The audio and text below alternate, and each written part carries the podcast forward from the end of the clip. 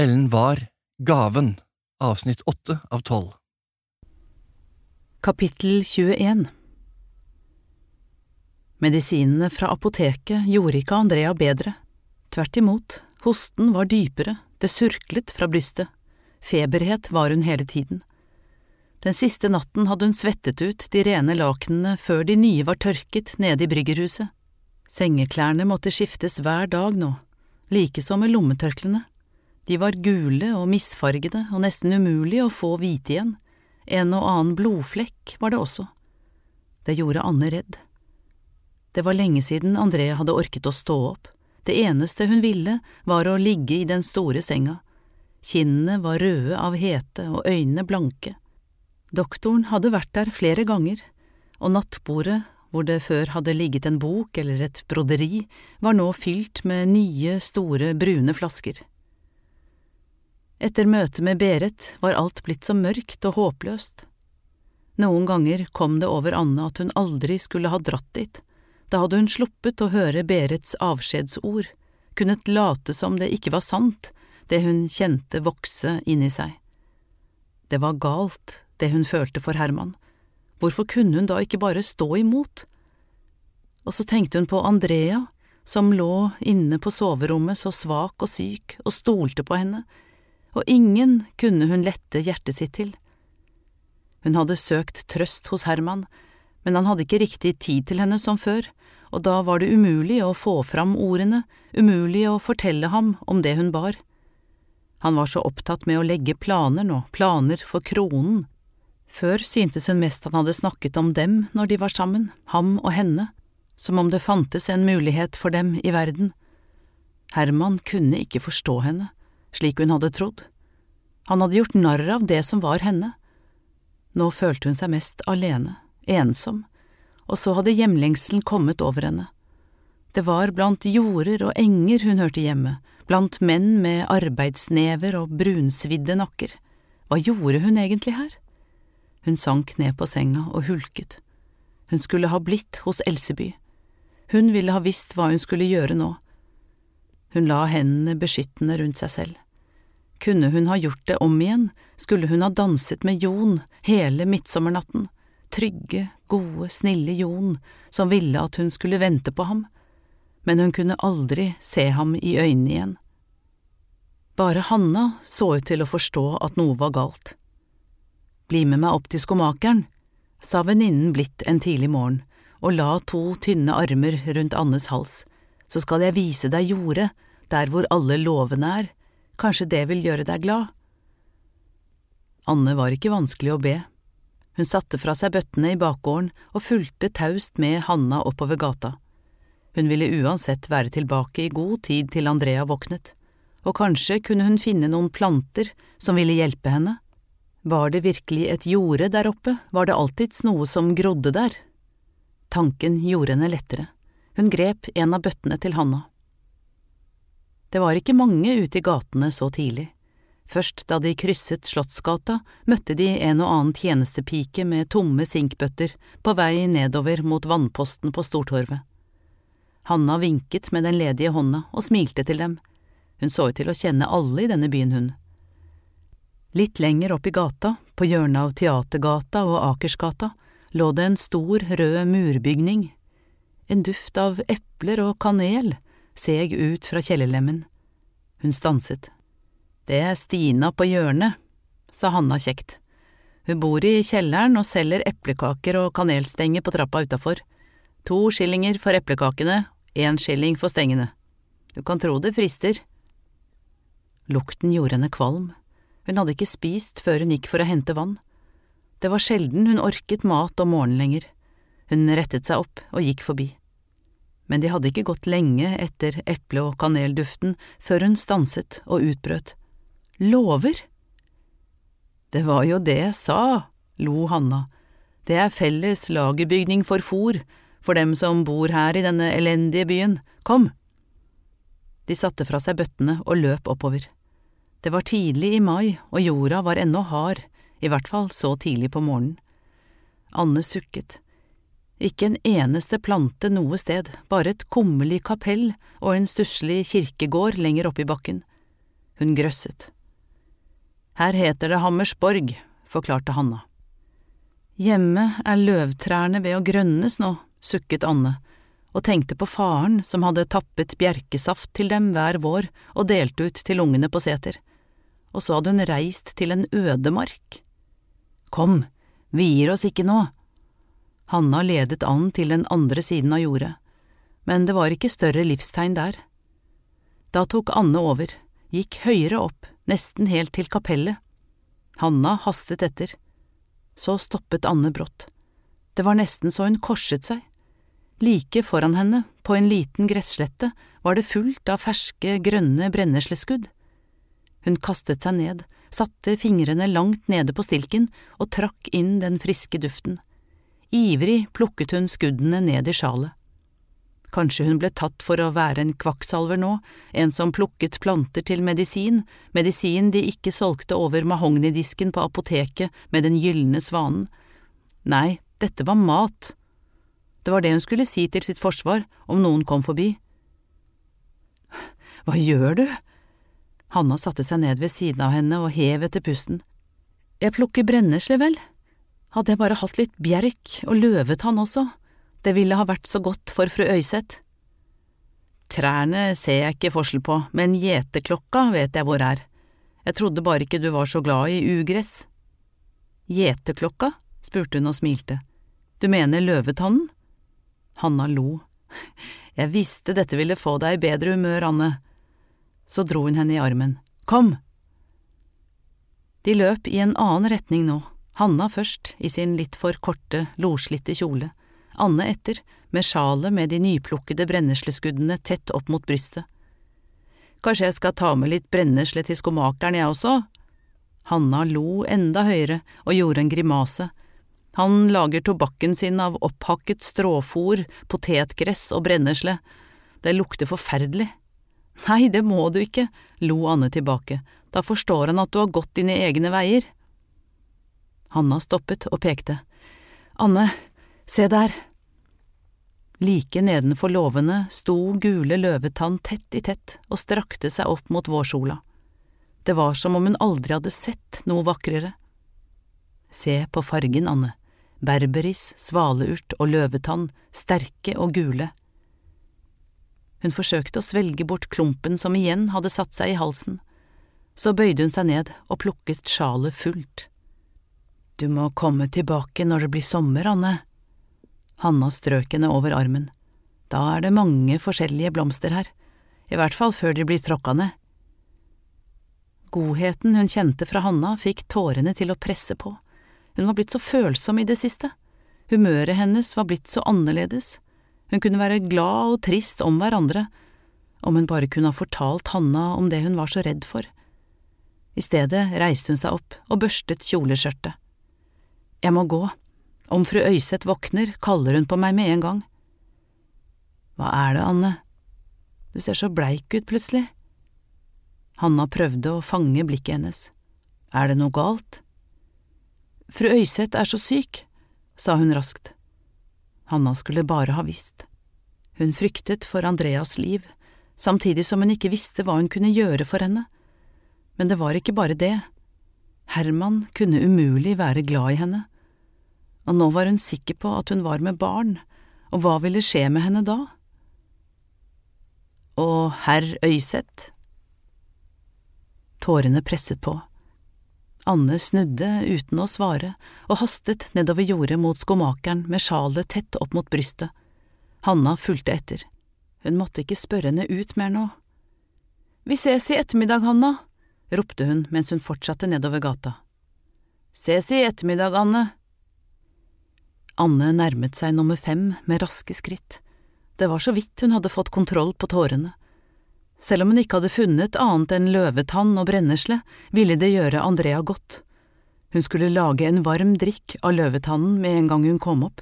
Det ville rense den syke kroppen hennes, og brenneslen ville styrke henne. Akkurat idet hun listet seg inn i portrommet, slo det i en dør. Det måtte være madame Eger. Hvis ikke var det fra verkstedet.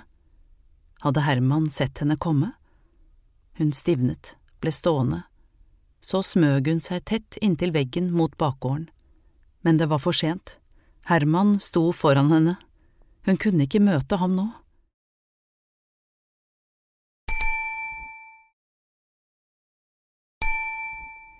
Jeg må opp, hvisket hun, Andrea venter på meg. Uten å svare trakk han henne med seg inn i verkstedet. Han hadde det brune lærforkleet på, og hendene var allerede skitne. Hun kjente røyklukt fra grua. Han hadde nok vært der lenge. Hun stilte seg tett inntil døra, holdt et godt grep om sjalet med begge hendene. Andrea har spurt etter deg, sa Herman, og hun syntes nesten han hørtes irritert ut. Jeg har hentet vann, sa hun med så rolig stemme hun kunne. Jeg trodde hun sov. Vannbøttene står ved baktrappen, og der har de stått lenge. Øynene hans var mørke. Hva har du i sjalet? Ingenting. Hun flyttet seg, og små jordrester løsnet fra støvlene. Du må ikke forsvinne på den måten. Andrea var engstelig for deg, men jeg fikk roet henne, hun hviler nå. Og du? Hun så ham like inn i øynene. Hva med meg? Han så spørrende på henne. Ja, har du vært engstelig for meg? Hun hørte hvordan stemmen skalv, men hun holdt blikket hans. Han strøk henne over kinnet. Selvsagt var jeg engstelig for deg, Anne, men nå må vi tenke på Andrea. Han var mild i stemmen nå. I går oppdaget jeg blod i et av lommetørklene. Doktoren sier vi må være tålmodige, men det han gir henne hjelper ikke, Herman, bare det blir varmere i været. Plutselig syntes hun at han så ut som en hjelpeløs liten gutt, men han måtte ikke svikte henne nå, de hadde alvorlige ting å prate om, snart ville det synes. Hun måtte fortelle ham det. Kvelden i forveien hadde hun merket at magen var blitt rundere, hardere nederst ved navlen. Herman, det er ikke mer vi kan gjøre, Anne. Hvis ikke doktoren kan hjelpe, må vi overlate det til høyere makter. Det er ikke bare Andrea som trenger hjelp fra de høyere makter, Herman. Han bøyde seg fram mot ansiktet hennes, begynte å kysse bort tårene hennes, én etter én. Huden var myk og glatt og luktet friskt. Han hadde nok raket seg før han gikk ned. Hun vred hodet til siden. Nei, Herman, Alt kommer til å ordne seg, Anne, det kan du stole på, sa han ømt og tok henne om livet. Nei, ropte hun, hun kjempet for å komme løs, men det var de samme armene hun kjempet mot som hun også lengtet etter, i drømmene, om natten, ofte i de lange timene ved bryggepanna. Hun følte seg så svak, som om bena ikke ville bære henne lenger. Du må høre på meg, Herman, jeg har noe å fortelle deg. Han ble stående, som om hun hadde fiket til ham. Svetten drev nedover brystet og lagde våte flekker i kjolestoffet. Nå måtte hun fortelle ham om barnet, om hva som ventet dem. Herman måtte vite råd. Hendene rundt sjalet var varme og skitne. Hun dro en av dem over håret. Han grep etter den, men hun trakk den vekk, og i stedet traff han sjalet, og løvetann og brennesle falt nedover kjolen og utover gulvet. Så det er dette du har i sjalet, ugress? Nei, hvisket hun og gikk noen skritt bakover. Hvordan skulle hun få fortalt ham om barnet nå? Hun hentet feiekosten i hjørnet og sopte alt sammen til en haug. La det ligge, sa han mørkt. Du får ordne det senere. Andrea venter på deg. Hun tørket øynene før hun åpnet døra inn til kjøkkenet. Så hang hun det tomme sjalet opp på knaggen og sukket. Hun ble stående. Tassende skritt bortover entreen. Var det riktig, det hun hørte? Skrittene stanset. Hun sto helt stille. Hun måtte ha hørt feil. Men så hørte hun en hvesende lyd, et kraftig hosteanfall. Andrea, var hun oppe? Hun rev opp døra til entreen. Herregud, Andrea! Andrea sto og støttet seg til veggen, glinsende av svette. Jeg har sett etter deg, Anne, hvisket hun, kan du sitte hos meg? Anne løp bort til henne og holdt henne. Andrea. Den tynne kroppen var helt utslitt, det var som om hun holdt et barn i hendene, et sykt, forsvarsløst barn. Jeg er så urolig. Jeg er her, Andrea, du skal være trygg, jeg går ingen steder. Det stakk i hjertet. Andrea skulle ikke behøve å lide så mye. Brenneslen i forkleet hadde kunnet lindre, men ikke kurere. Det onde som hadde satt seg i Andrea, var sterkere enn noe hun hadde botemiddel for, men det måtte finnes hjelp. Om ikke Berit ville komme, kanskje mor Sæter, om bare Herman kunne ha snakket med henne. Alt hun ønsket var at Andrea skulle bli frisk igjen. Men hva med henne og Herman da, og hva med barnet? Værelset var kaldt, Andrea skalv i den tynne nattkjolen. Anne støttet henne bort til senga, la teppet godt over henne og et ekstra på toppen, så fyrte hun opp i kaminen. Om hun bare hadde hatt en varm drikk av løvetann å gi henne nå, hva som helst som kunne styrke henne. I det samme husket hun boka, den sorte boka. Den hadde ligget urørt under madrassen siden den dagen hun kom til Akersgata. Ikke en eneste gang hadde hun våget å ta den fram. Det var ikke oppskrifter mot gikt, tannpine, gulsott eller veggelus hun fryktet, ikke engang om den var blitt brukt til å stille blod, ville hun bry seg. Nei, det var magien hun fryktet, alle formularene som påkalte guddommelig hjelp og manet vekk de onde kreftene. Var hun den rette til å bruke dem? Hun puttet enda en kubbe i kaminen, holdt forkleet rundt håndtaket da hun lukket igjen omstøra så hun ikke skulle brenne seg. En gang hadde hun hørt at presten hjemme hadde svartebok, og at han da hadde djevelen i sin makt, og ikke omvendt. Men det var jo ikke djevelen hun hadde fått boka av, men av Elseby. Elseby hadde betrodd henne den, og sagt at den ville hjelpe henne. Kan du ikke fortelle meg noe, Anne, noe hjemmefra? Andreas stemme var sprukken og hes. Fortell meg om alle blomstene, og om den lille søsteren din, Kirstine. Anne satte seg ned på stolen ved siden av henne, børstet vekk noen grønne blader som ikke ville slippe kjolen, så sa hun stille. Jeg hadde en gang en bror som het Ole. Jeg mistet ham da jeg var sju. Hun hadde aldri fortalt henne om Ole før, men det var akkurat som om hun ble roligere av å si navnet hans høyt. Det kom en fred over henne som hun ikke hadde kjent på lenge. Vil du fortelle meg om han, da? Andrea vendte hodet mot henne og grep etter vannglasset på nattbordet. Hun nikket. Ole var så god. Jeg lekte mer med ham enn med storesøsteren min. Han hadde store, gule lokker som danset på hodet når han løp mellom stuene på seter. Han var alltid så glad, Ole, men vi fikk ikke beholde ham, han ble bare fem år, det gikk så fort. Andrea rakte henne det tomme glasset. Det er trist, Anne. Men jeg tror han har det godt der han er nå. Jeg tror det er det han forsøker å fortelle meg, at døden ikke er noe å frykte. Tror du virkelig det finnes et annet sted, Anne? Et sted hvor det bare er fred, et sted hvor det ikke finnes smerte og lidelser? Andrea så opp på henne. Det så ut som om også hun hadde funnet en slags hvile der hun lå. Ja, Andrea, det vet jeg at det gjør. Det finnes en kraft som passer på menneskene, den samme kraften som har gitt oss alle plantene. Og solen, månen og stjernene, hvisket Andrea og holdt blikket hennes. Da jeg var liten, pleide jeg å stå og se på det blå lyset som bredte seg utover jordene på slutten av dagen. Jeg også, gjentok Andrea og hostet inn i lommetørkleet. Jeg sto utenfor gården på vinger og kikket utover de vidstrakte jordene. Det var som et eventyr når det blå lyset kom, og jeg var en del av det. Ja, akkurat sånn var det hos meg også. Anne smilte. Jeg følte at det var noen som passet på meg, at det var den samme hånda som skapte det lyset som tok vare på menneskene, samme hvor vanskelig livet var, og at det var der Ole var,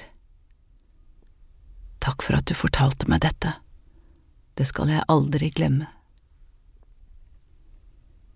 Kapittel 22 På gode dager orket Andrea å sitte oppe i finstua, i gyngestolen ved vinduet. Anne bredte det myke ullteppet over knærne hennes. Ryggen hvilte mot en stor, hvit pute, så hun skulle slippe å merke den harde stolryggen. Det var Herman som hadde kommet hjem med stolen. Han mente den ville få henne opp, så hun kunne sitte og hente styrke fra det vakre sommerværet. I tillegg hadde han skaffet byens beste doktor, fra Rikshospitalet, og erklærte sin store tillit til ham og de stadig nye medisinene han forskrev. Hun visste ikke om Herman hadde merket at hun aldri kom ned til ham lenger, og han hadde sluttet å be. Alt han tenkte på var kronen. Han jobbet dag og natt, strebet etter den mest perfekte utførelse. Det kunne gå dager uten at han var oppe og så til Andrea, og henne virket det som han helt hadde glemt. Han, Herman Øyseth, skulle vinne hele konkurransen. Han kunne umulig ha forstått det med barnet, for da ville han ikke ha unngått henne. Men magen var blitt så mye større nå at det var underlig at han ikke hadde merket det. Det var jo bare Andrea hun forsøkte å skjule det for. De få gangene hun hadde alene med ham, fikk hun seg liksom ikke til å si noe. Men kanskje, om hun våget, ville han se henne igjen, se båndet mellom dem. Kanskje var det ikke egentlig ham, den mannen som hadde mistet seg selv til arbeidet med kronen? De dagene Andrea orket å stå opp, hjalp Anne henne med å kle seg. Bena var så magre nå, nesten som på et barn. Skuldrene minnet mer om fuglevinger enn om armene på en ung kvinne. På de gode, lyse dagene ville hun ha pen kjole på. Andrea valgte de enkle ullkjolene, den sorte eller den blå. I dag var det den blå. Anne betraktet henne mens hun helte medisinen opp i en skje, nøyaktig den mengden som doktoren hadde ordinert. Sollyset skinte inn på den bleke huden. Kinnbena var skarpe i ansiktet, som før hadde vært så rundt og vakkert. Håret, som tidligere hadde bølget brunt og mykt under perlemorskammer, lå flatt mot hodet. Hun strakte fram skjeen akkurat idet Andrea vred ansiktet til siden. Jeg blir så trett av dem. Herman behøver ikke betale flere dyre regninger, det hjelper likevel ikke, og doktoren fra hospitalet behøver ikke å komme mer. Jeg likte bedre den andre, han var vennligere, snakket med meg, spurte hvordan jeg hadde det. Medisinen var allerede spilt ned på det hvite lommetørkleet. En sort flekk bredde seg utover de hvite blondene. Anne hentet fram et nytt, rent til henne, åpnet vinduet svakt på gløtt i det samme. Fuglene sang høye triller utenfor. Hør, Andrea. Hun smilte og tørket heten fra panna. Jeg har vært syk helt siden du kom hit, har jeg ikke? Jo, du har vært syk lenge. Det er synd for Herman, er det ikke? Andrea tørket leppene med det rene lommetørkleet. Alt herr Øyseth vil, er at du skal bli frisk. Jeg blir ikke frisk. Ikke engang doktoren sier det lenger. Han bare lytter på meg og setter igjen de brune flaskene. Andrea så på henne med et sårt blikk. Det er ikke slike medisiner du ville ha gitt meg, Anne, om vi var i Vardal. Jeg forsøkte å hente hjelp til deg, sa hun stille, hos en klok kone oppe på Kampen, men hun våget seg ikke ned til byen, samme hvor mye jeg ba. Ikke engang de kloke kan hjelpe meg nå, Anne. Du må ikke snakke sånn, det er alltid håp. Hun bøyde hodet, tenkte på hva Berit hadde sagt om Andreas endelikt. Hvorfor klarte hun ikke å se noen ting selv? Det var jo det som var gaven hennes om hun bare kunne forstå mer av det som sto i den sorte boka. De siste nettene hadde hun sittet ved siden av det lille bordet på pikeværelset og holdt den under stearinlyset. Hun hadde hvisket de magiske formularene mens hun tenkte på Andrea. Men det så ut som om ingenting rådde over det som hadde kommet til Akersgata. Det var som om det onde hadde satt seg fast. Alt jeg ønsket meg, var en datter, Andrea tørket en tåre som rant nedover de magre kinnene. Herman ønsket seg en gutt. Anne ristet på hodet, om og om igjen, og tok seg til magen. Hun hadde aldri villet at det skulle bli som dette. Hun hadde kommet hit til byen fordi hun hadde følt seg kallet, hun hadde villet bruke gaven, og nå var det som om den var helt borte, nå som hun virkelig trengte den. Men hadde hun virkelig hatt en gave, så hadde hun vel kunnet hjelpe Andrea for lenge siden. Det er derfor jeg har gitt hemmeligheten videre til deg. Bare den som kan se med det innerste øyet, kan forstå de klokes hemmelighet, med kjærlighet.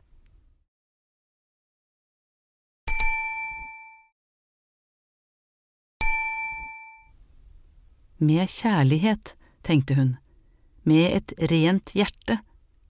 Det er det som er blitt borte, det rene hjertet. Hermana ville Herman hun skulle hete hvis det ble en pike, fortsatte Andrea hest. Men nå vet jeg hva hun skulle hete. Hun skulle hete Anne. Anne? Hun løftet hodet. Ja, ingen har vært mer trofast mot meg enn du. Nei, nei, det må du ikke si. Jo, du har sittet her inne hos meg i mange, lange timer, hørt på meg, hjulpet meg, fortalt meg om barndommen din, om foreldrene og søsknene dine og om blomstene du er så glad i. Andrea bøyde seg fram og hostet, tørket seg om munnen, så rettet hun seg opp og fortsatte. Om vennen din, det gamle eiketreet med det hemmelige rommet, og om stjernehimmelen over Sevald som var større enn alle andre steder. Både Herman og jeg er så takknemlige for alt du har gjort for oss. Anne løp ut av portrommet. Andrea hadde sovnet for natten. Hun hastet oppover Akersgata, forbi menn med hatter og damer i krinoliner som spaserte lystig, arm i arm fra Østregade og nedover Slottsveien.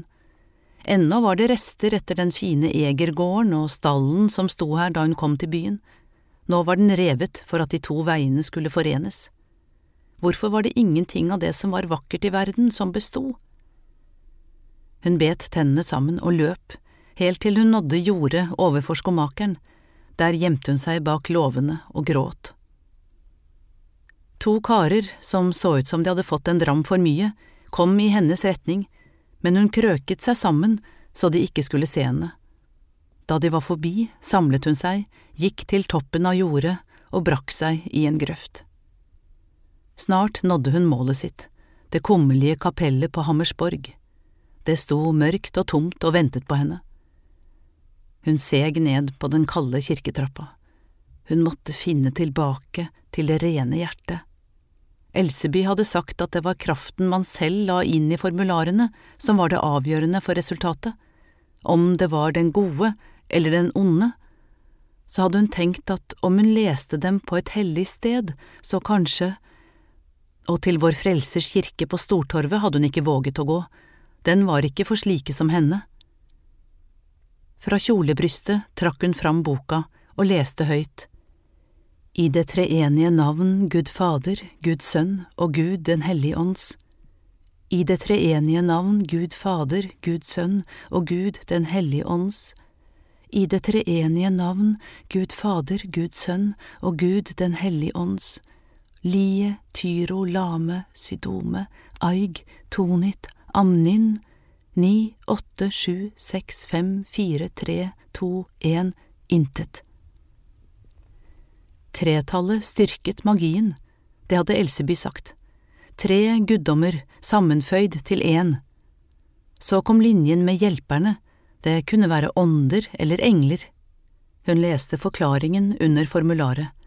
Nedtellingen er viktig, fra det magiske tallet ni til intet. Sykdommen forsvinner i takt med nedtellingen. Best virkning om formularet skrives ned på en lapp og plasseres ved hjertet under kjolebrystet. Men skrive kunne hun ikke, så hun måtte lese dem høyt. Hun fortsatte å lese det ene formularet etter det andre, la seg ned på knærne og foldet hendene helt til det var blitt så mørkt at det var vanskelig å se. Så sa hun amen, slik hun hadde for vane etter å ha bedt sitt sedvanlige Fader vår, før hun reiste seg opp for å gå tilbake. Plutselig rykket hun til.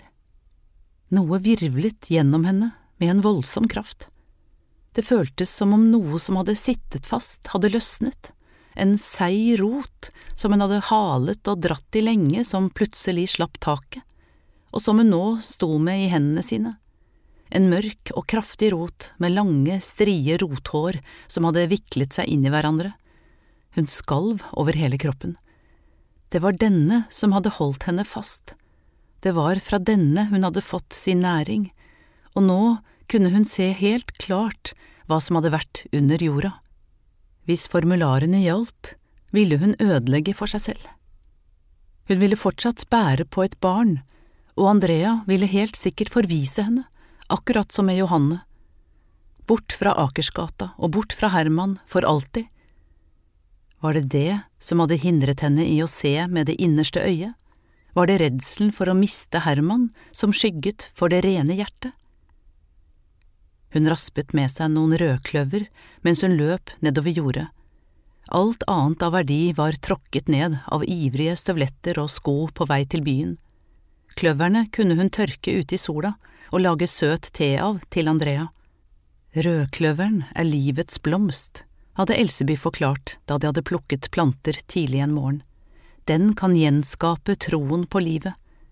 Om et menneske er usikkert på om det ønsker å leve eller ikke, skal du gi det rødkløver.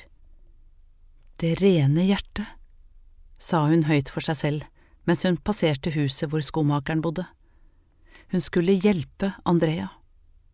Hun risikerte å miste alt, men hun måtte likevel gjøre det. Om Herman stoppet henne nå, så skulle hun nok si ham hva hun syntes om at han brukte all sin tid nede i verkstedet i stedet for å være oppe med den syke kona si, og så ville hun fortelle ham om barnet. Neste kveld la hun armene beskyttende om seg selv da hun gikk gjennom bakgården.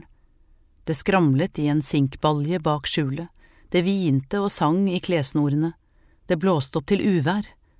Hun sprang inn i gangen og åpnet døra til verkstedet. Ingenting var endret, men alt så likevel annerledes ut. Sølvarbeidene sto på rekke og rad på hyllene i skapet og skinte mot henne på en annen måte Gløden her inne var borte. Hun ble stående i døråpningen en god stund. Herman satt ved arbeidsbordet bak plater av sølv og kopper, men han merket henne visst ikke. Hun lukket døra bak seg, så gikk hun bort til arbeidsbordet. Herman? Han skottet opp.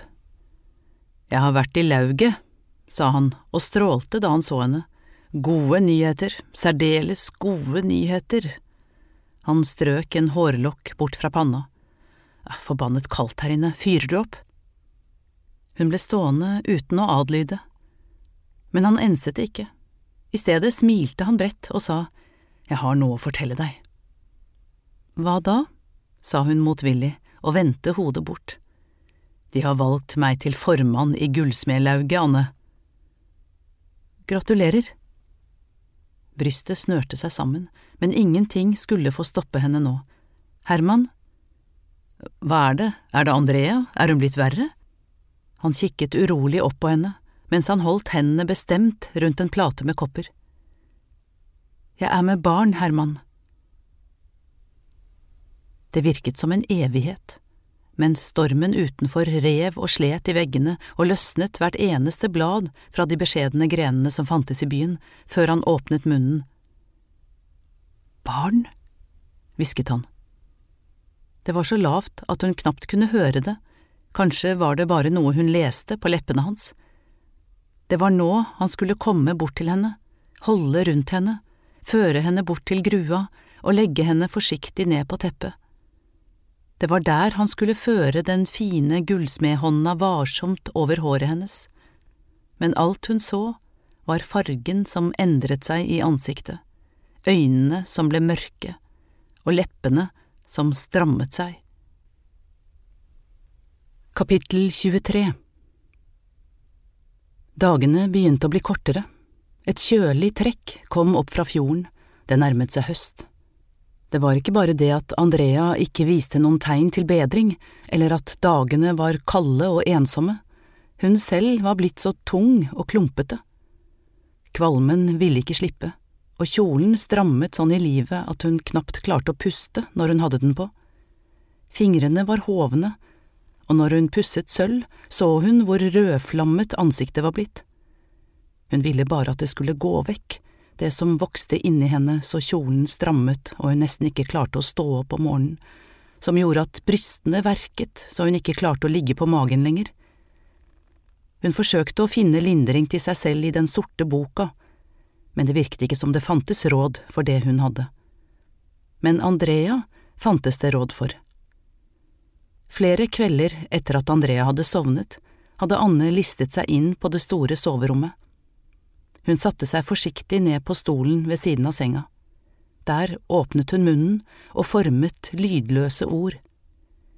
Lie, tyro, lame, sydome, aig, tonit, amnin. Hun passet alltid på å gjøre det mens Herman var ute, så han ikke skulle høre skrittene hennes eller se lyset som blafret gjennom entreen. Hun foldet hendene. Ni, åtte, sju, seks, fem, fire, tre, to, én, intet. Noen ganger skled hun bort i tankene, forsøkte å huske det Hanna hadde sagt. Jeg har visst det lenge, jeg, Anne, jeg ville bare at du skulle si det sjøl. De hadde gått sammen hjem fra vannposten, og hun måtte sette fra seg bøttene fordi det svimlet så rart i hodet.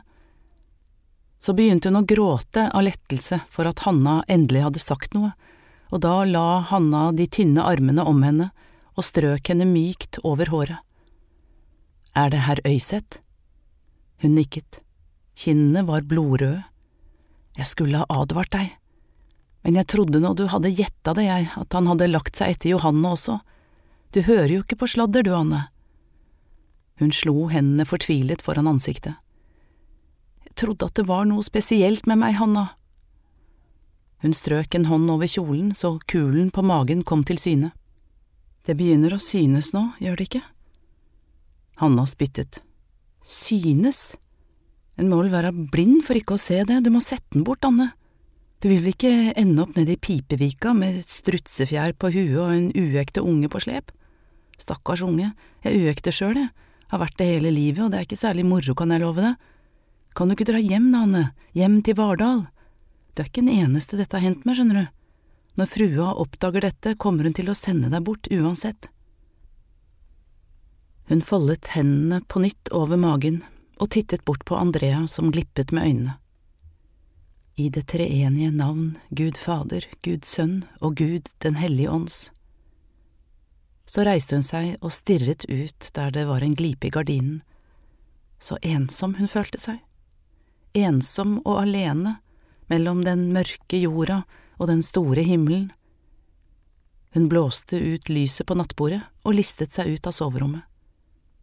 Hva ville skje med henne nå? Hun måtte ha sovet en stund da det banket på døra til pikeværelset. Herman? Det hadde han aldri gjort før. Om natten hadde hun begynt å frykte de lydene hun før hadde lyttet etter, knirkingen i kjøkkendøra, fottrinn nedover entreen, et kremt, disse lydene som hadde fått hjertet hennes til å banke, men aldri om hun ville ta ham imot, slik han hadde krenket henne. Hvis han trodde at han kunne komme til henne her og kreve noe av henne, tok han feil. Hun slo teppet til side og reiste seg opp fra senga. Han kom sikkert fra lauget. Hva ville han henne? Anne, hvisket han innimellom bankingen. Anne, er du der? Ikke om hun ville åpne for ham, langt mindre slippe ham inn. Når hun tenkte på de lange, bleke fingrene der nede i verkstedet, var det med vemmelse. All ømhet for ham var som skylt bort. Kroppen hennes, som var blitt så myk under hans hender, var nå hard som stein. Veike fingre var det, de skulle aldri få røre ved henne igjen. Han banket hardere nå men han kunne bare gå, gå ned til kronen, perlene og edelstenene. Jeg ville bare si deg at saken er løst. Det var ikke det han sa som fikk henne til å reagere, men tonefallet. Det var ikke kjærlig, slik hun hadde vært vant til, men avmålt, saklig, som om han avsluttet en viktig handel. Hun for bort til døra og rev den opp. Hva mener du? Jeg har ordnet med et godt sted til deg, det er en plass som heter Engeland, ikke langt fra Ekeberg. Det var bare det jeg ville si, at du ikke må uroe deg. Stemmen var bestemt, men øynene flakkende, som om de ikke helt visste hvor de skulle feste seg. Skal du sende meg bort? Han dro hendene urolig nedover den brune brokadevesten. En kone vil ta vare på deg og ta imot barnet ditt når den tid kommer. Er det ikke ditt barn også, Herman? Han tok henne varsomt i armen, dyttet henne forsiktig foran seg inn på værelset og lukket døra stille bak seg. Du forstår ikke, hvisket han. Uansett hvem sitt barn det er, kan du ikke føde det her, det vil bringe skam over oss begge. Skam? Hun skalv i stemmen. Du forstår vel det, sa han høyere nå, mer utålmodig. Jeg har Andrea å ta vare på, doktoren sier at det bare er et spørsmål om tid. Det må du ikke si. Hun for sammen, holdt pusten. Noen beveget seg inni henne, små, myke slag mot den ene siden. Hun la hånda på magen og så ned. Der kom det igjen. Hun løftet hodet og så bort på Herman, skulle til å si noe. Du skulle ha fortalt det for lenge siden, da skulle jeg ha ordnet det annerledes. Hun kunne se at han var rød i ansiktet, selv om det var aldri så dunkelt der inne. Og nå var det holdt opp.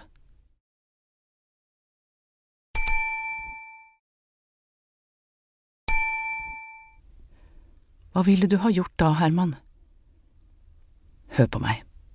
Han slapp hånda fra dørhåndtaket og dro henne inntil seg. Ingen kan ha en tjenestepike i huset som er blitt med barn.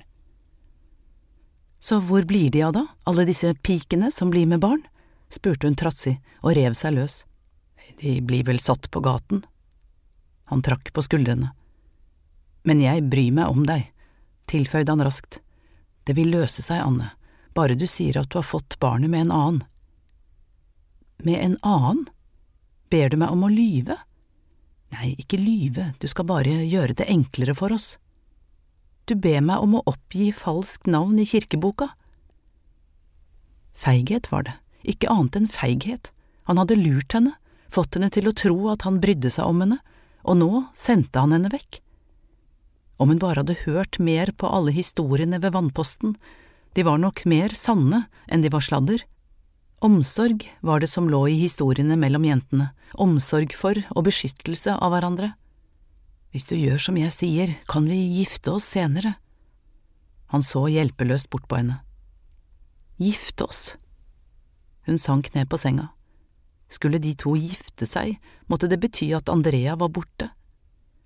Hun gjemte ansiktet i hendene. Plutselig kjente hun hånda hans på skulderen, den forsøkte å berolige henne uten å lykkes. Du vet like godt som meg at det ikke er håp for Andrea. Nei, nei, Tårene rant nedover de varme kinnene. Det er et godt sted du kommer til, Anne, det skal du være trygg på. Hun visste ikke hva hun skulle stole på lenger. Han sa at han ville gifte seg med henne, samtidig sendte han henne bort. Jeg har ordnet med en vogn, den kommer og henter deg i morgen etter at det er blitt mørkt. I morgen? Jeg reiser også i morgen, sa han og rettet seg opp. Jeg har avertert i avisen etter perler av beste kvalitet. Han så på henne. Ja, fra store norske ferskvannsmuslinger må de være, det er tross alt en norsk krone. Hans kone lå for døden, og hun skulle føde hans barn, og han jaktet på store og feilfrie perler. Det var det han hadde sagt før, store og feilfrie måtte de være. Hun var i hvert fall ikke feilfri, hun var full av skyld og skam, og kronen fikk henne til å forstå hvor lite han brød seg om henne, hvor lite hun var verdt i hele verden. Anne, det vil gå bra, sa han og gikk mot døra, men nå venter arbeidet på meg. Hva med Andrea? Hun rettet seg brått opp, det strammet i brystet så hun nesten ikke fikk puste. Hvem skal ta seg av henne om vi begge reiser? Andrea vil bli passet på, jeg har snakket med festekontoret, de sender en ny tjenestepike hit i morgen, det er allerede avtalt. Nei, ropte Anne, ingen andre skal ta vare på Andrea. Du forstår ikke, det var derfor hun ba meg om å komme hit, hun trenger meg. Hysj, hvisket han. Du kan ikke være her lenger, det skjønner du vel. Herman. Hun reiste seg opp. Det kokte inni henne, ingen skulle komme hit fra festekontoret. Hun satte hendene bestemt i siden, nei, ingen fremmed skulle ta vare på Andrea. Hun stirret på ham med skarpe øyne, ansiktet var blodrødt. Jeg reiser bare hvis du kan love meg én ting. Den lille stubben på stearinlyset var for lengst brent ned. Likevel så hun at øynene hans var redde. Det gjorde henne sterk, som om hun hadde en slags makt over ham. Hanna, sa hun og gikk bestemt mot ham. Hanna er den nye tjenestepiken. Hanna hvem? Hanna som bar vann til dere etter at Johanne ble sendt herfra, før jeg kom i huset. Det aner jeg ikke hvem er. Han slo ut med hendene. Hun er en dyktig tjenestepike, arbeidsom og trofast, men hun har ikke fast arbeid, bare dagarbeid hos en skomaker. Det ville Andrea aldri gå med på. Hun vil ha noen som er sendt fra festekontoret, noen hun kan stole på. Andrea vil gå med på det, det vet jeg. Og hvis ikke du går med på det, Herman? Hun boret øynene i ham. Så reiser jeg ikke. Kapittel 24 Flengen hadde hun sydd sammen med tykk tråd samme dag som hun var kommet til Akersgata, men hun hadde ikke brukt kjolen siden. Den passet ikke lenger, men det ville ikke synes under sjalet at hun hadde klippet den opp i livet. Hun fikk sy den sammen igjen bare barnet var kommet. Hun tok av seg arbeidsskoene, som var blitt altfor trange, og ga dem til Hanna. De passer nok bedre til deg enn til meg nå. Hanna satte seg forsiktig ned på senga hennes og stakk bena inn i skoene. De passer helt fint. Hun dro den gamle kjolen over hodet og la den pent på senga, rødmet, og ble stående i en sliten grå underkjole med armene beskyttende rundt seg. Anne ga henne arbeidskjolen og syntes at Hanna minnet om Kirstine der hun sto, den magre ungpikekroppen, så sjenert plutselig. Hanna trakk kjolen raskt på og fingret med knappene i halsen. Så fin du blir, Hanna. Anne surret snorene på arbeidsforkleet to ganger om det tynne livet, da virket ikke kjolen så altfor stor. Så forsøkte hun å løsne flokene i håret hennes, før hun satte det opp i en topp og festet det med to nåler. Til slutt la hun den nystivede, hvite kragen rundt den tynne halsen.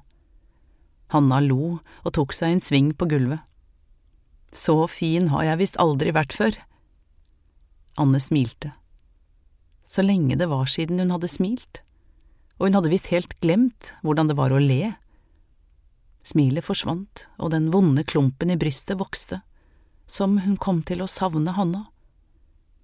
Serveringsforkleet henger der, bak døra, det må du ta på når du skal servere, men bare da. Hun bøyde seg ned og dro fram knyttet sitt fra under senga. Så løftet hun opp madrassen og puttet den sorte boka raskt ned i knyttet. Det er best jeg får med alt mitt. Om du eier en bibel, eier du i hvert fall mer enn jeg. Hanna lo. Hun kunne umulig ha forstått hva slags bok Anne eide. Hun dro de gamle støvlene på. Hanna hadde fått skomakeren til å såle dem om og sette lisser i dem som takk for at hun hadde leget såret hennes da hun først kom til byen. Hun smilte til Hanna. Da de var snørt godt på, sa hun, Kom, så skal jeg vise deg kjøkkenet, spiskammeret og bryggerhuset. Hanna ble plutselig stille. Hun hadde nok aldri vært i et hjem som dette før. Anne gjenkjente blikket som vandret rundt i rommet, fra bordet med den hvite duken med blonde kanter og bort til det hvite vaskevannsfatet og muggen på stativet over.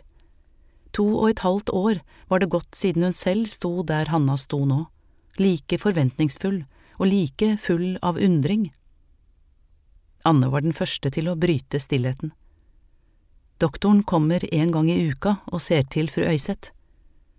Men hva med deg, Anne, hva heter det der du skal?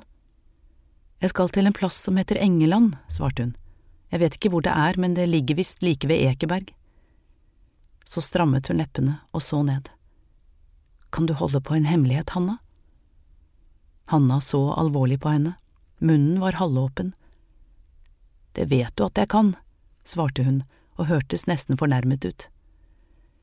Herman har sagt at han vil gifte seg med meg, og at han vil ta barnet til seg som sitt eget senere. Så når du kommer tilbake, er du liksom ikke en tjenestepike mer, da? Regndråper slo mot ruta, grå tåke lå over bakgården. Hvordan hadde hun kunnet tro at hun noen gang kunne ta Andreas plass? Vakre Andrea fra en storgård på Vinger? Og skulle Hanna tjene henne? Andrea har vært syk siden de giftet seg, sukket hun. Og det skulle gjøre det bedre? Han la seg etter Johanne også, og da var ikke frua så syk som nå. Hanna stirret på henne, det gnistret i øynene. Ble hun med barn, da? Det vet jeg ikke, svarte Hanna og trakk på skuldrene. Jeg vet bare at frua kasta henne ut, at hun forsvant fra byen, og nå er det jeg som snart er alene med ham, du er ikke redd for det, da? Nei, Hanna, hvisket hun, du er sterk, du ville aldri la deg lure. Så klemte hun henne godt inntil seg. Du må passe på Andrea for meg, kan du love meg det? Jeg lover, Anne. Sitt ved senga hennes hvis hun ber deg, lag varme omslag og legg på brystet hennes hvis hun ønsker. Hun svelget. Og fortell henne historier. Hun er så glad i å høre historier. Anne åpnet forsiktig døra inn til det store soverommet. Det var mørkt, og tiden var kommet for å reise. Hvor skal du? Andrea var våken, hun så ut som et lite barn mellom de store putene. Har du glemt det? Jeg må reise bort en liten stund, til Vardal. Hun slo blikket ned. Til Vardal? Det er langt. Andrea hostet. Og kaldt. Du må ikke fryse. Har du nok klær på deg? Du var så kald da du kom, det glemmer jeg aldri. Jeg hadde ventet så spent på deg. Hadde du? Ja. Andrea hostet igjen, det skrallet stygt denne gangen. Kan jeg hente noe til deg før jeg drar? Om det bare var noe hun kunne gjøre. Nei, sitt hos meg en stund, vil du? Andrea la hånda over hennes og klemte den lett.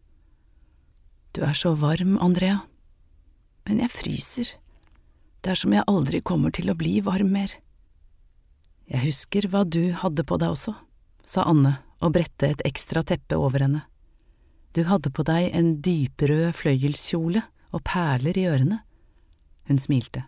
Øynene dine var store og blå, og leppene røde som georginene i hagen til fru Musta. Andrea smilte hun også, men en tåre rant nedover de bleke kinnene og fortsatte ned på den hvite nattkjolen. Begge snudde seg mot gaten, en hest trampet mot brosteinen i det samme, det knirket i vognhjul. Anne gikk bort til vinduet, trakk gardinen forsiktig til side og tittet ned. En lukket vogn stanset like utenfor porterommet. Jeg må gå nå. Nei, hvisket Andrea. Kan du ikke vente til Herman kommer tilbake? Han kommer om ikke lenge, han er bare borte et par dager, han skal skaffe vakre, store perler til kronen. Hun smilte. Hanna er min venn, det er derfor jeg har bedt henne komme og være her hos deg, du kan be henne om alt du ønsker. Hanna, heter hun Hanna? Stemmen var hes. Andrea løftet en hånd opp mot munnen, bøyde seg fram og hostet svakt. Så lente hun seg tilbake og så bort på henne med matte øyne. Ja, hun hentet vann til dere de dagene dere var uten tjenestepike, før jeg kom. Jeg har lært henne å lage en varm drikk med blomsterhonning og varme omslag. Hun så ned på Andreas smale fingre, som lå så trygt inne i den ru hånda hennes mens hun kjempet mot tårene. Hun kan sitte hos deg hvis du ønsker, og fortelle deg historier. Kanskje annerledes enn mine, men historier har hun flust av så slapp hun den varme hånda og gikk mot døra. Der snudde hun seg. Husk på det blå lyset, Andrea, kraften som alltid passer på oss. Det blå lyset, gjentok Andrea. Det fortvilede blikket borte fra senga fulgte henne ned trappa. Det hadde brent seg like inn i sjelen hennes. Hun kjempet mot gråten, det var nå hun skulle ha vært hos henne, passet på henne, og så sviktet hun. Ville hun noen gang få se henne igjen? Hun stoppet foran skiltet nederst i den mørke trappeoppgangen, Herman Øyseth, gullsmedverksted. Døra inn til verkstedet var låst. Herman var reist mens hun var ved vannposten. Hun åpnet ytterdøra og ble stående og vegre seg. Den samme døra hun hadde vært så engstelig for å åpne den første dagen hun kom, den var hun nå like redd for å lukke igjen.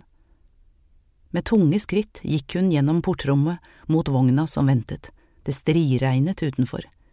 Hun klemte knyttet med boka tett opp mot brystet og ringen som lå i lomma innenfor. Så vakker hun hadde syntes Hannas historie om nøkkerosen var. Nå håpet hun at hun aldri ville få se nøkkeroser igjen.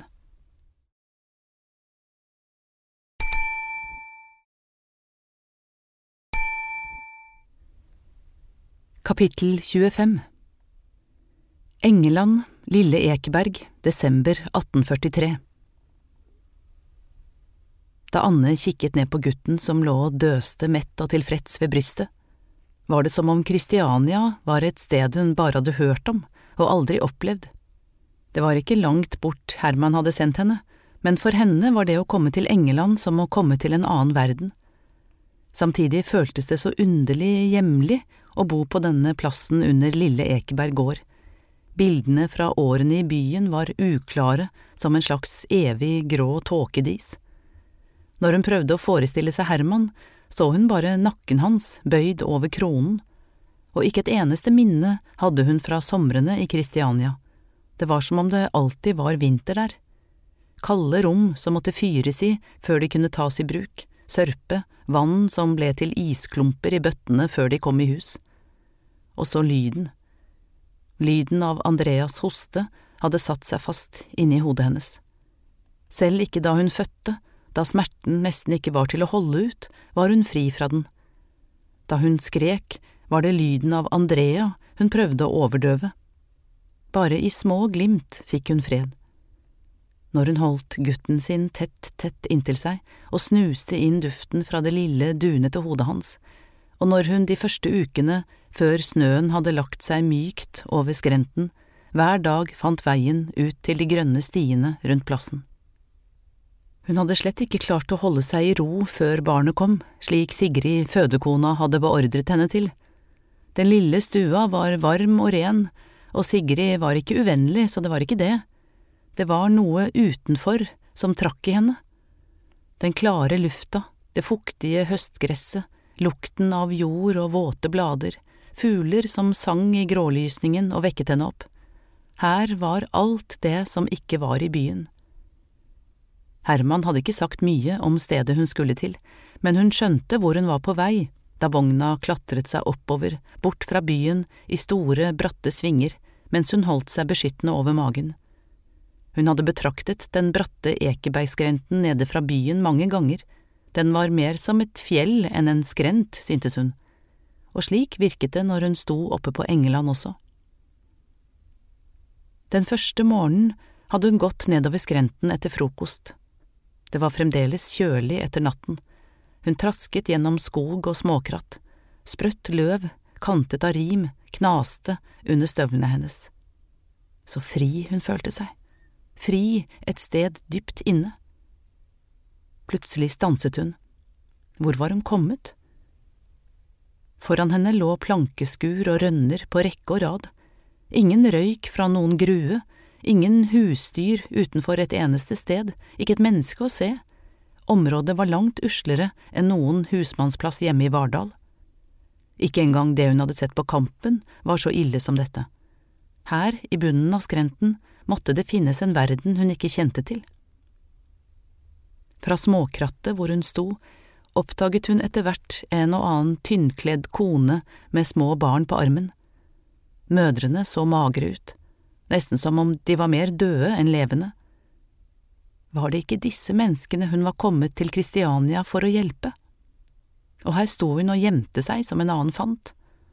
Alt hun trodde hun var kommet til byen for å gjøre, hadde hun mistet på veien hit. Dette måtte være avgrunnen, endepunktet på reisen hennes. Hun krøket seg sammen og brakk seg. Det er rester etter koleraen, hadde Sigrid forklart da Anne kom gråtende tilbake. Det var der, i de plankeskurene, at sykdommen fikk tak først. Området ligger ikke så langt fra havna og seilskutene som kommer inn utefra. Gå heller til toppen av skrenten, opp til den grønne sletta, bare ikke gå nedover, ikke gå nedover. Da hun gikk oppover neste morgen, kjente hun vekten av barnet tydeligere enn før. Likevel ble hun drevet videre, for jo høyere opp hun kom, desto mer klarnet det opp inni henne, og der mot nordvest lå den store Ekeberggården, selveste hovedgården, og lyste mot henne. Stor og hvit lå den og balanserte øverst oppe på den bratte skrenten, men mot Musta kunne den nå ikke måle seg. Hun stanset, speidet utover. Nedenfor lå byen og havna klar og åpen, og langt der borte skimtet hun høye, skogkledde åser. Utsynet var enda videre her enn på Engeland. Hun fant spiret på Vår Frelsers kirke og fulgte gatene mot festningsvollen helt til hun kom til Akersgata. Det sved bak øynene. Hun hadde drømt om Andrea om natten, at hun sto midt ute på en stor, frostkledd slette og ventet på det blå lyset, og drømmen hadde vært så virkelig. Hun rettet seg opp og gikk videre og tenkte at det var best å holde seg på god avstand fra gården, så ingen på tunet eller på jordene bak la merke til henne. Hun fant veien til nærmeste skogholt, det lå like bak gården, hun fulgte en opptråkket sti. Sigrid ventet nok på henne nå, men hun hadde slett ikke lyst til å gå tilbake og ned til England igjen. Det var her inne det var godt å være, her inne i skogen, mellom de store trærne, følte hun at hun var omsluttet av noe trygt. Med ett slo det henne at dette måtte være hennes rike, akkurat som verkstedet var det for Herman. Hun stanset, strøk seg forsiktig over magen. Den var blitt stor nå. Så rettet hun seg raskt opp, luktet noe velkjent. Det var skjegg på treet foran henne. Friskt, grønt skjegg. Hun kjente det igjen, Elseby hadde plukket det både sommer og vinter. Hun hadde kalt det for gubbeskjegg, lagt det på sprit og stilt glasskrukken ved siden av flaska med johannesurt. Pleid den, snudd den og snakket med den, hadde hun. Lindrer der det er brystsvakhet, hadde Elseby forklart mens hun silte innholdet i glasskrukken etter noen uker. Hvorfor hadde hun ikke tenkt på det før? Andrea var brystsvak, men noe gubbeskjegg fantes jo ikke i Akersgata. Det knøt seg i magen. Det gjorde så vondt å tenke på alle lidelsene til Andrea. Hvorfor hadde hun ikke gjort mer? Hun fortsatte, og snart åpnet skogen seg foran et stup. Anne gispet, hun hadde aldri sett noe lignende. Her, på den andre siden av skogholtet, var det fritt utsyn over hele fjorden. Det var som om hun så hele evigheten foran seg. Solstrålene blendet henne, men hun flyttet seg ikke. Hun lot dem omfavne seg, varme henne, gi henne liv. Så våget hun seg nærmere stupet. Et skritt til, og ett til. Så stanset hun og kikket utover vannet. Om bare de samme strålene nådde Akersgata og inn i soveværelset hvor Andrea lå. Plutselig var det noe som fanget blikket hennes, noe lyste der nedenfor henne. Hun la seg ned på knærne, det var et bratt fall ned mot sjøen, men like under var det en berghylle, og på den var det røde og lilla blomster. Bergmynte! En liten latter glapp ut av henne.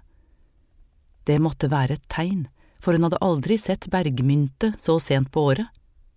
Bergmynten har en særlig kraft til å verne kvinner når de er utsatt for mørkets makter, som når de står brud og er i barsel. Elseby. Elseby var her sammen med henne. Hun grep tak i en fururot med den ene hånda mens hun lente seg utover skrenten mot blomstene, fikk så vidt tak i noen. Hun krabbet enda litt framover, lente seg enda dypere, fikk tak i noen flere, helt til favnen var full av duftende bergmynte. Duften var så sterk og så god at hun ble ør. I det samme for en voldsom smerte gjennom henne, og hun sank sammen mot jorda og gråt. Alt smerter før det springer, Anne. Det er alt som er rundt gaven din, som brister. Gaven? Så hadde hun kanskje ikke skuslet den bort likevel.